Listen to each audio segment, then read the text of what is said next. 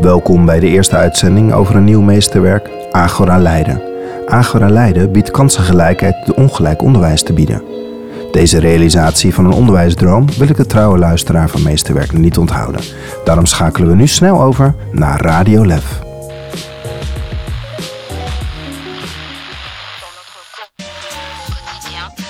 Welkom bij Radio Lef, de podcast van het Leids Educational Field Lab. Een energieke broedplaats waar kennisdeling centraal staat en men kan sparren zonder beperkingen met lef en liefde voor het onderwijs. Hoe is het om blij op school te zitten? Fijn. Zelfs mijn moeder zei een paar weken geleden. Ik, ik ben echt blij mee, want je gaat voor het eerst sinds acht jaar, of nou acht jaar, ga je blij naar school. Welkom in een nieuwe aflevering van Radio Lef. In deze aflevering gaan Annette Stegeman en ik, Janja Bubeek, op zoek bij Ilja van Zanten. Ilja is de initiatiefneemster van Agora Leiden. En in deze miniserie gaan we op zoek naar het vernieuwende onderwijsconcept Agora Leiden. In augustus 2020 is een eerste groep van 46 leerlingen gestart onder de vlag van het Bonaventura College. Deze onderwijsvorm is bedoeld voor alle leerlingen van VMBO tot en met VWO. En kenmerkend voor Agora Onderwijs is dat alle leerlingen een gepersonaliseerde leerroute doorlopen en daarbij begeleid worden door coaches, oftewel Agoriaanse meesters. Wat is Agora? Ja, agora is een woord eigenlijk hè, wat uit het Grieks komt. Is een, een marktplaats, een plein waar eigenlijk alles gebeurt. Waar de wijsheid wordt gedeeld, waar optredens zijn, waar uh, wordt geleerd, waar wordt gehandeld, waar alles gebeurt in het leven. Het is het centrum van, van de stad. En dat is, dat is wat hier eigenlijk ook gebeurt. Het is geen school eigenlijk, het is veel meer dan dat. Het is, wel, het is een plek waar, waar vanuit kinderen de wereld in gaan om te leren. En waar we de wereld binnenhalen om, uh, om te leren. En waar kennis wordt gecreëerd, maar niet waar alleen kennis wordt gedoseerd. Het staat hier zo mooi. De ideale leeromgeving is een mix tussen de Efteling, de Harvard University, een boeddhistisch klooster, een marktplaats en een kunstatelier. Ja. Herken je Ja. dat als, Ja. als ik dat zeg? Herken Zeker. je dat wat jullie Ja, ja zeker. En, en de kinderen zijn eh, op al die plekken bezig. En de een die, die zit, we hebben ook een atelier, eh, die, die is daar heel veel te vinden. En een ander zit heel veel achter zijn laptop en is echt op zoek naar kennis in de wereld. Alle kinderen van alle niveaus en de manieren van leren zijn zo verschillend. Ieder kind heeft zijn eigen recept. Ieder kind heeft zijn eigen leerroute. Ja, en dat zijn ze hier aan het ontdekken. En daarin mogen ze ook fouten maken. En is het aan ons om af en toe weerstand te bieden. Want als het allemaal te makkelijk gaat, dan, eh, dan leren ze ook niks. Dus ze moeten ook af en toe even een hobbel tegenkomen. En als die niet spontaan in hun challenge voortkom, voorbij komt, dan moeten wij hem inbouwen. Die ruimte die wordt ingeperkt, hoor je vaak door het systeem. Ja, Jij zit in hetzelfde systeem en je hebt ruimte genomen. ja. Waarom heb jij ruimte en waarom is er in de rest van het systeem geen ruimte?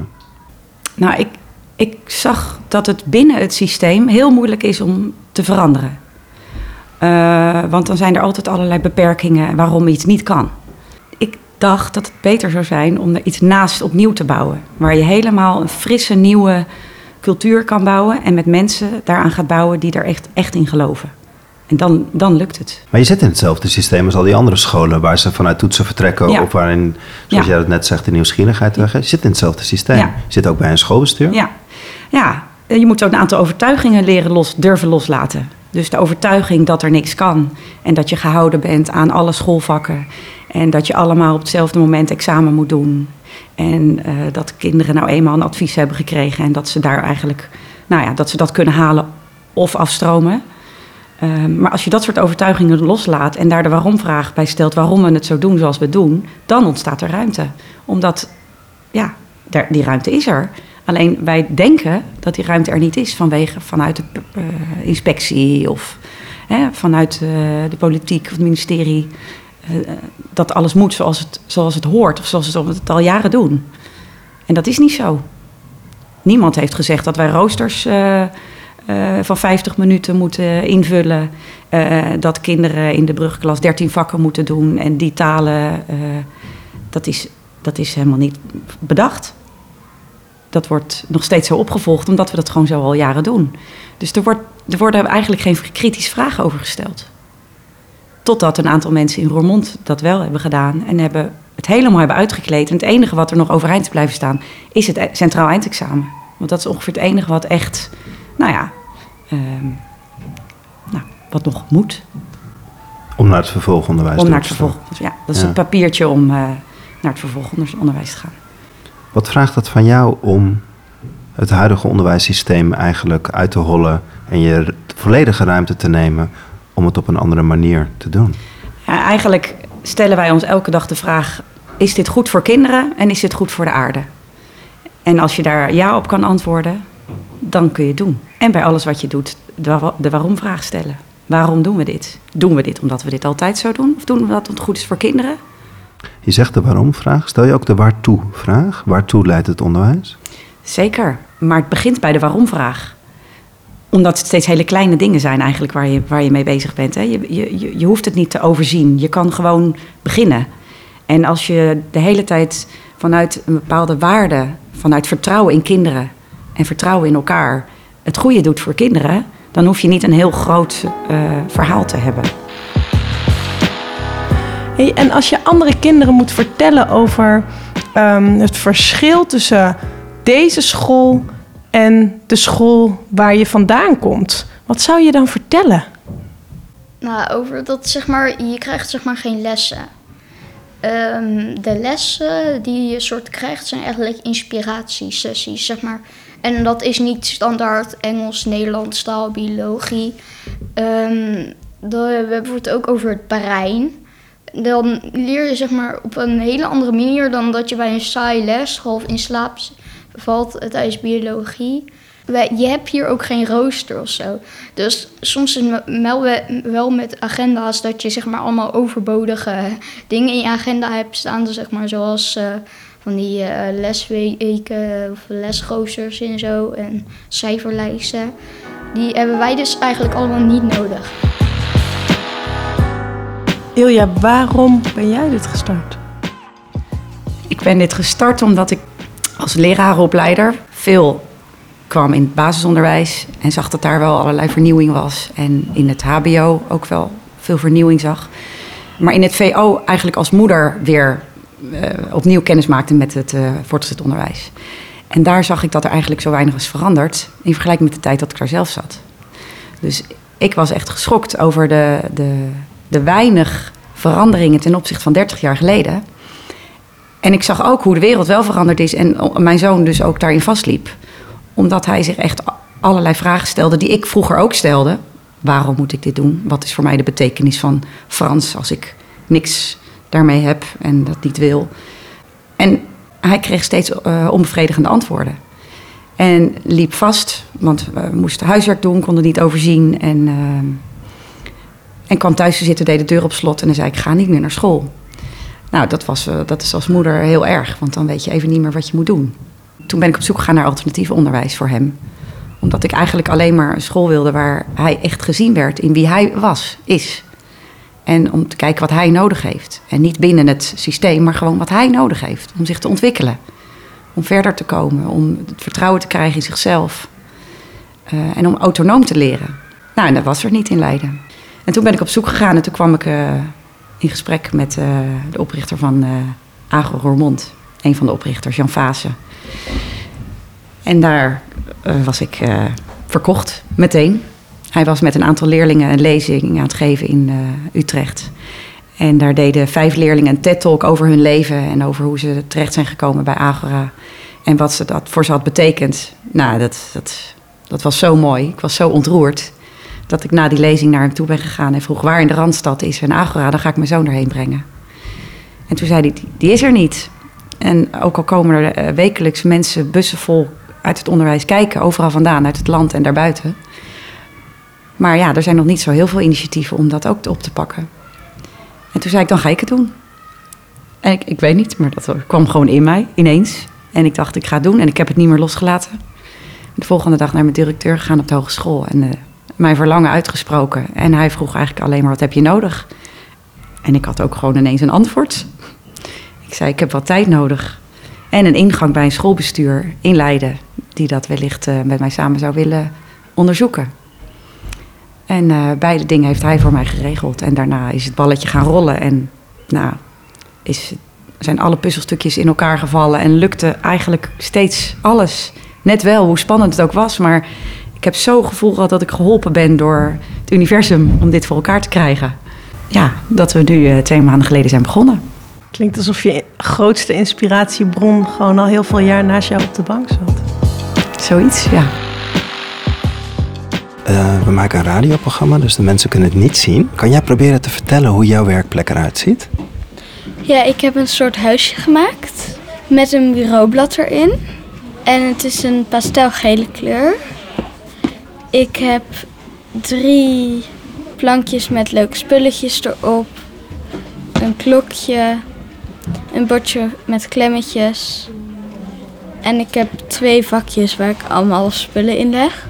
En waarom heb jij dit? eh, want ik zie ook nog theekopjes hangen en ik zie luikjes met hartjes. Echt heel mooi ingericht.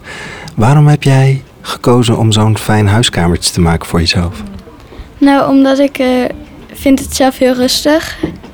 En ik word er veel minder snel van afgeleid dan een normale eh, werkplek. Want daar zie je gewoon iedereen om je heen als je daar bezig bent. En dit is zeg maar, ik heb het helemaal zelf gemaakt met mijn vader. Ik vind het heel rustig. Hey, en er zijn er andere kinderen die zitten wel op een school waar gewoon een, een tafeltje en een stoeltje staat. Hoe fijn is dit om, om voor jou om te leren? Hoe helpt jou deze plek? Heel veel. Met mijn dyslexie is het extra moeilijk. Om op een andere school met al het huiswerk en zo te leren. Dus dit helpt mij echt heel erg. En waarom heb je voor deze school gekozen? Ja, het past gewoon heel goed bij mij. En ik hou heel erg van zelf onderzoeken.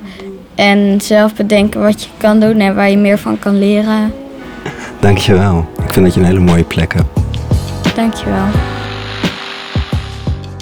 Ja. Wat raakte je zo bij die kinderen die die presentatie gaven? Wat was dat? Eh, hun ontzettende open blik naar de wereld, hun nieuwsgierigheid, hun verbeeldingskracht, hun, hun open manier van communiceren. Eh, ze liepen gewoon rond daar en stelden volwassen mensen vragen waarom ze er waren en eh, waarom ze geïnspireerd wilden worden door Agora en eh, wat maakt dat ze de reis hadden gemaakt. En hele leuke, bijzondere open vragen. En, en dat is wat ik eigenlijk ook bij mijn eigen kind eh, niet meer zag die nieuwsgierigheid naar wat andere mensen meemaken en, en eh, wat ja, interesse in andere mensen en in ja, de wereld. Dat vooral. Ja, Je bent na de zomer gestart. We Ja. zijn nu in oktober. Je bent bijna een kleine twee maanden bezig. Vertel, wie zit er op school en hoe, hoe ben je aan al die leerlingen gekomen? ja, nou, het begon met een team. eh, voordat we de leerlingen konden werven. Of alhoewel dat pro- proces liep eigenlijk een beetje parallel. Maar om bij, de kinderen te beginnen. We hebben eigenlijk heel weinig moeite hoeven doen. We hebben één open avond georganiseerd. Waar we Jan Vaassen voor hebben uitgenodigd. Voor de ouders. En daar hebben we ja, eigenlijk het verhaal verteld. Maar ook het verhaal verteld dat we het niet weten. Dat we ons baseren op, dat, op ervaringen in Roermond. En dat wij het samen willen gaan leren. En dat we eigenlijk een, eh, een avontuur aan willen gaan met ouders en kinderen. En een nieuw team. Dat was ook een mooie uitdaging eigenlijk. Dat alle ouders die zich daarna kwamen melden voor gesprekken. Dat die wisten waar, waarvoor ze zouden komen. Die wilden het avontuur aangaan. Dus dat was meteen een, een, een contractafspraak eigenlijk. Hè? Wij hebben geen pasklaar antwoord voor elk kind. Maar wij willen voor elk kind ons uiterste best doen om te doen wat goed is voor elk kind. En eh, gebaseerd op ervaringen in, eh, in Roermond en in Culemborg en in Nijmegen. Maar dat was het. Dus we zijn zo ontzettend trots op ouders en kinderen die dit hebben aangedurfd met ons. En wat gaven die ouders aan, jullie dan? Ge- Geven die dan het vertrouwen om met hun kind aan de slag te gaan? Of hadden zij ook een nieuwsgierigheid? Of waren zij ook in het systeem tegen iets Ja, aangelopen? wisselend. Sommige ouders hebben met hun kinderen moeilijke dingen meegemaakt eh, op school. Dus ja, ook, ook kinderen die zijn vastgelopen. Maar ook gewoon ouders die eh, bijvoorbeeld vier kinderen hebben. Drie kinderen op het reguliere onderwijs. En hun vierde kind eigenlijk vooral plezier in leren gunden. En die worstelingen met al dat huiswerk en al die toetsen en al dat moed en die stress... eigenlijk voor een vierde kind eh, niet meer wilden. Omdat ze hadden gezien van je moet gewoon vertrouwen hebben in je kind. Dan komt het goed. Ja, dus dat is heel mooi. En heel veel ouders hebben de meeste mensen deugen gelezen van Rutger Bregman, waarin het ook over agora-onderwijs gaat. En, eh, en, en dat, is- dat heeft ook meegeholpen dat dat boek uit is gekomen, denk ik, precies in de tijd dat wij eh, ja, hiermee bezig waren in Leiden.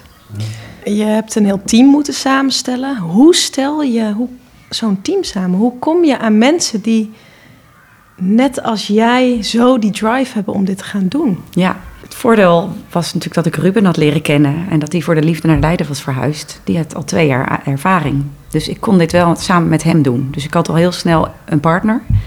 En wij hebben ook alle sollicitatiegesprekken samen gedaan. We hebben een, in eerste instantie binnen het bestuur uitgezet eh, van school. En eh, daar hadden een aantal mensen gereageerd en we hebben ze gevraagd om zichzelf op een creatieve manier eh, voor te stellen. En er waren ook een, eh, een paar eh, ja, mensen van buiten het bestuur die de stoute schoenen hadden aangetrokken en, eh, en ook gewoon hadden gereageerd, ook al was het een interne sollicitatie. En daar zijn er toch twee van aangenomen. Juist omdat ze gewoon dat lef hadden om eh, ja, de manier waarop ook eh, zichzelf eh, te introduceren en te zeggen waarom ze dat wilden. Ja, vertel. Vertel eens een manier. Ben ik wel benieuwd naar. Hoe, Nou, hoe eh, presenteer je jezelf hier? Waar ga jij op aan? Ja, een van de coaches nu was, was directeur van de basisschool in Leiden. En ik ken haar omdat ik ooit haar coach, of, of, ja, coach was op de PABO. Dus ik heb haar begeleid 15 jaar geleden toen zij op de PABO zat. Ik denk langer eigenlijk. En toen zag ik haar, zij zat in het eerste jaar.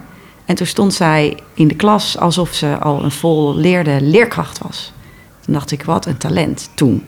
Dus toen heb ik heel erg met haar één op één gezocht naar hoe kan ik voor jou maatwerk bieden, in- bieden binnen die PABO.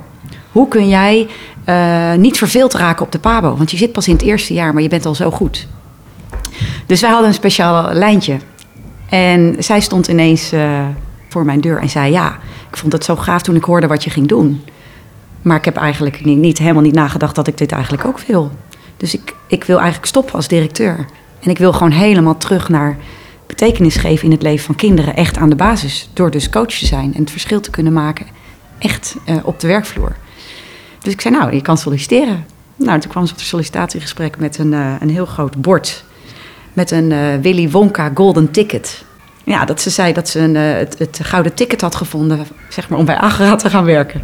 Nou, die hangt hier aan de muur. Dat is ja. Ja, die hangt naast de koffie. Ja, nou, dat, dat vond ik fantastisch. Dus ja, dan ben je binnen. Ja, natuurlijk met, met alles eromheen. Niet alleen maar hè, met een ticket, maar ja, die, die creativiteit van haar en het lef ook, met de passie die je daarbij voelde, dan eh, kan je niet anders.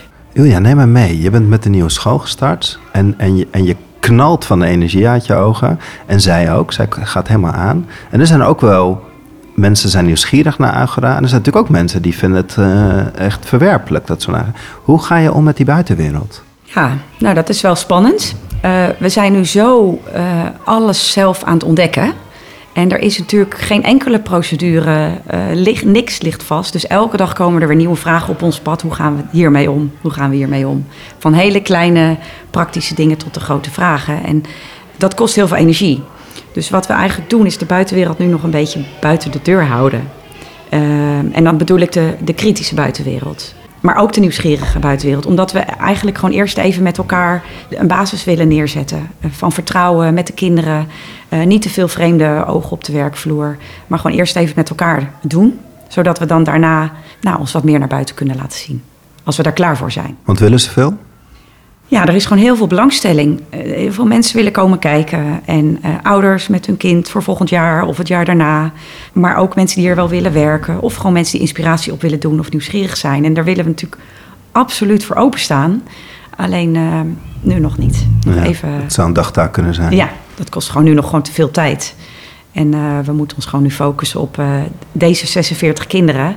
En die vijf coaches. En met elkaar moeten wij nog die, ja, die Agora-familie worden. En, en dat, dat willen we gewoon Je bent heel gepassioneerd en je wilt het goede doen voor het kind. Maar er zijn er ook wel momenten zijn waarin het lastig is. Hoe doe je dat? Er is geen geschreven boek hoe het moet. Hoe ga je ermee om? Met die onzekerheid, met het niet weten. Hoe doe je dat? Ja, we zitten nu in die fase van het niet weten. Want hè, je hebt het traditionele model waar iedereen zich aan vasthoudt. Hè.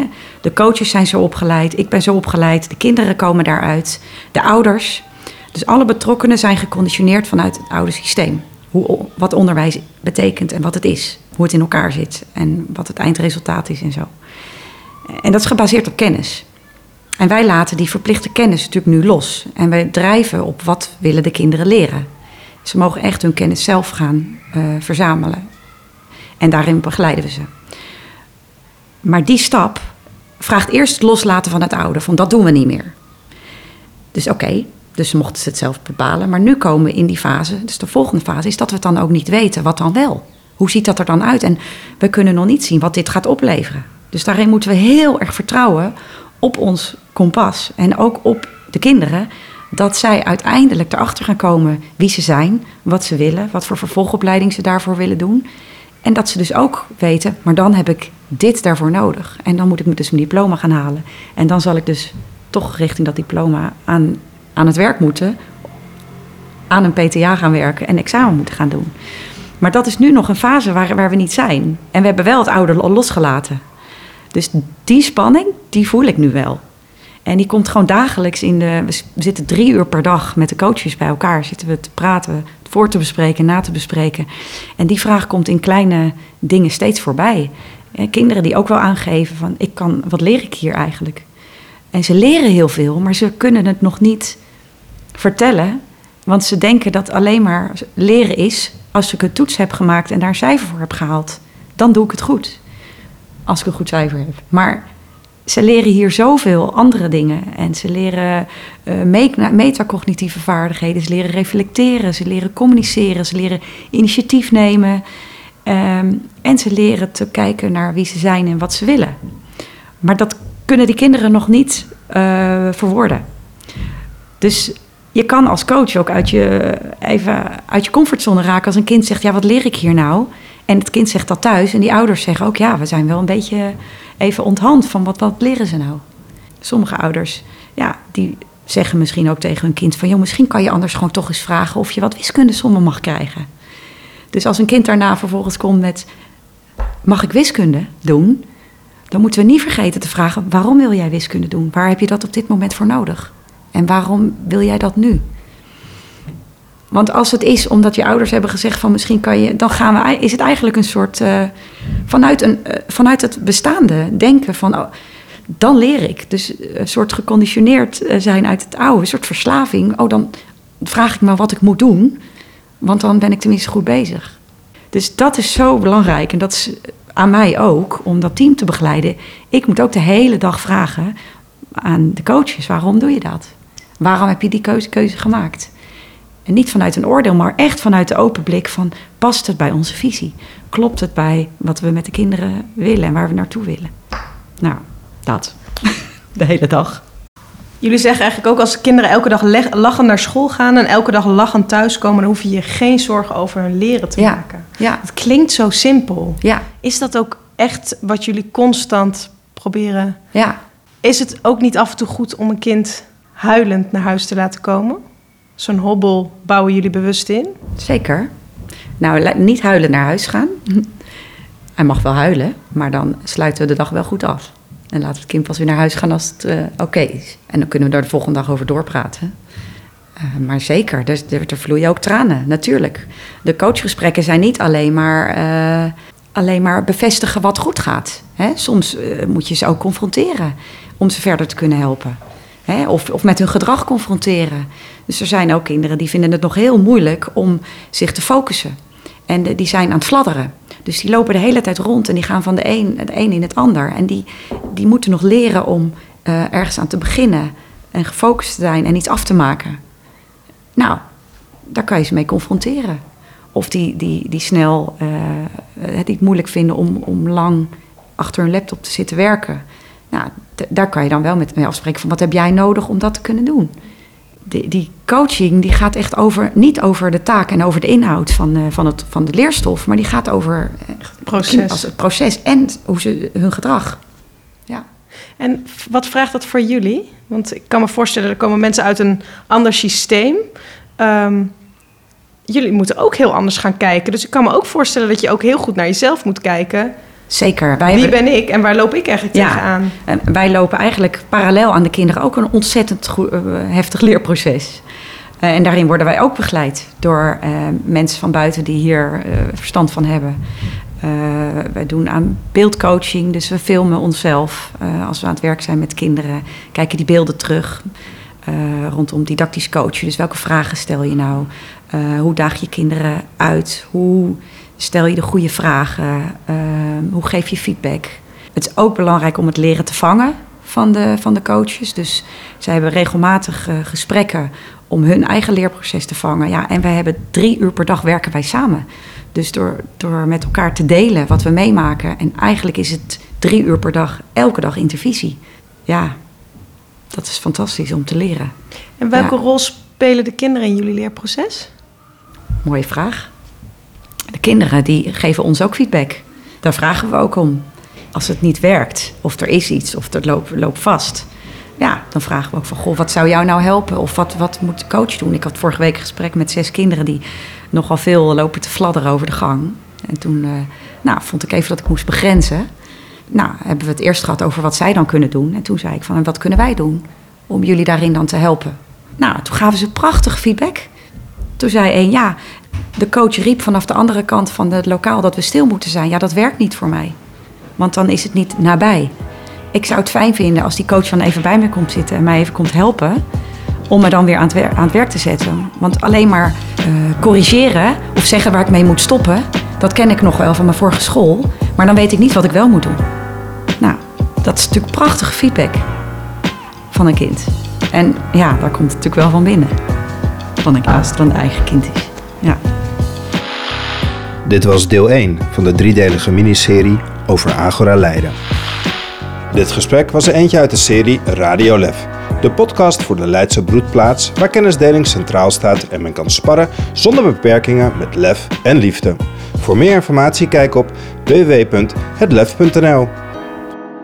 Dit was deel 2 van de driedelige miniserie over Agora Leiden. Dit was deel 3 van de driedelige miniserie over Agora Leiden.